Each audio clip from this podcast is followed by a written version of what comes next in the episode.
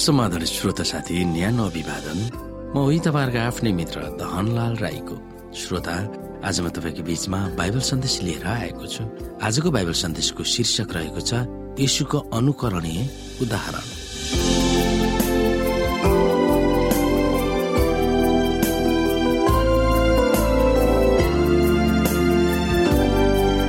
यसुले आफ्नो जीवनको चार पक्षमा विकसित गर्दै जानु भन्नुभएको छ। लुका दुई अध्यायको बाहुन्नले हामीलाई कसरी बताउँदछ यो विषयमा हामी हेर्न सक्छौ। यसो बुद्धिमा कदमा र परमेश्वर र मानिसहरूको अनुग्रहमा बढ्दै जानुभयो। यसो सिद्ध र परिपक्व मानव प्राणी हुनुहुन्थ्यो। मानिसको अस्तित्वमा हुनुपर्ने सबै गुणहरूमा उहाँ बढ्नु भएको थियो। लुका दुई अध्यायको बाहुन्न अनुसार उहाँ बुद्धिमा र मानसिक रूपमा कदमा र शारीरिक रूपमा परमेश्वरले मन पराउने गरी आत्मिक र मानिसले मन पराउने गरी सामाजिक रूपमा उहाँ बढ्नु भएको थियो। उहाँको दिमाग सक्रिय र सबै बुझ्ने खालको थियो।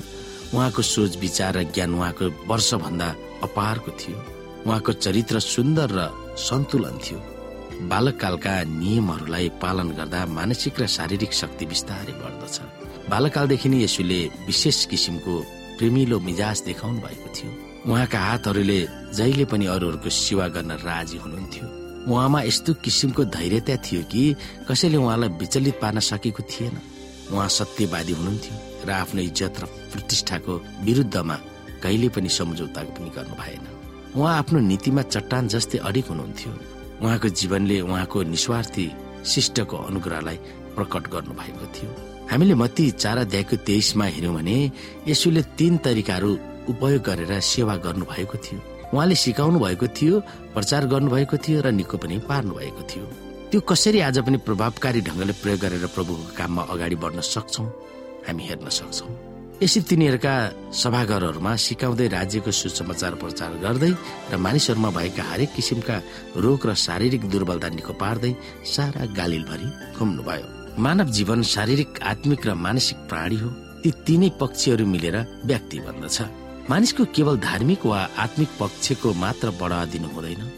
बाइबलको सत्यले मानिसको सम्पूर्ण पक्षहरूलाई समेट्छ। यो हाम्रो जीवनको केवल केही वर्षहरू मात्र होइन सम्पूर्ण जीवनमा नै ती तीनै पक्षको महत्वपूर्ण भूमिका हुन्छ। मानिस भौतिक प्राणी पनि भएकोले उसमा भौतिक तत्व र आत्मिक तत्वहरू प्रभावकारी रूपमा समीक्षण भएको हुन्छ। तिनीहरूलाई अलग गर्न सकिँदैन। प्राय जसो धर्मले केवल आत्मिक पक्षलाई मात्र जोड दिन्छ र भौतिक पक्षलाई न्यूनतममा राख्दछ तर बाइबलले त्यसो गर्दैन।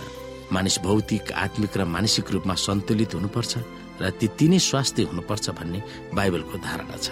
हामी पतित भएको कारणले यशुको कदमा हामी कहिले पनि आउन सक्दैनौँ तर परमेश्वरको अनुग्रहले उहाँको जीवनलाई अनुसरण गर्दै जानु पर्दछ मानिसमा उसको सृष्टिकर्ताको प्रतिरूप प्रतिस्थापना गर्नु र जुन सिद्ध गरी उसलाई सृष्टि गरिएको थियो त्यही स्थितिमा उसलाई पुर्याउन प्रयास गर्नु बाइबलको शिक्षाको लक्ष्य हो।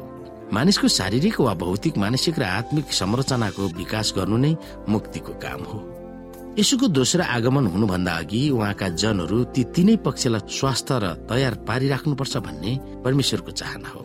अन्त्यमा श्रोता यसुको जीवन हेरेर हामी उहाँ जस्तो हुन सक्दैनौ भनेर हामी सजिलैसँग हत्तोसाह हुन सक्छौ।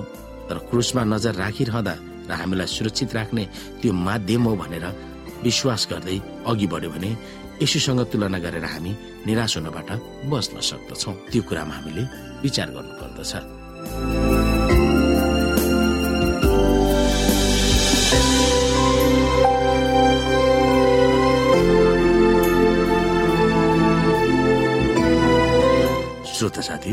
आजको लागि बाइबल सन्देश यति नै हस्त नमस्ते जय मसिंह।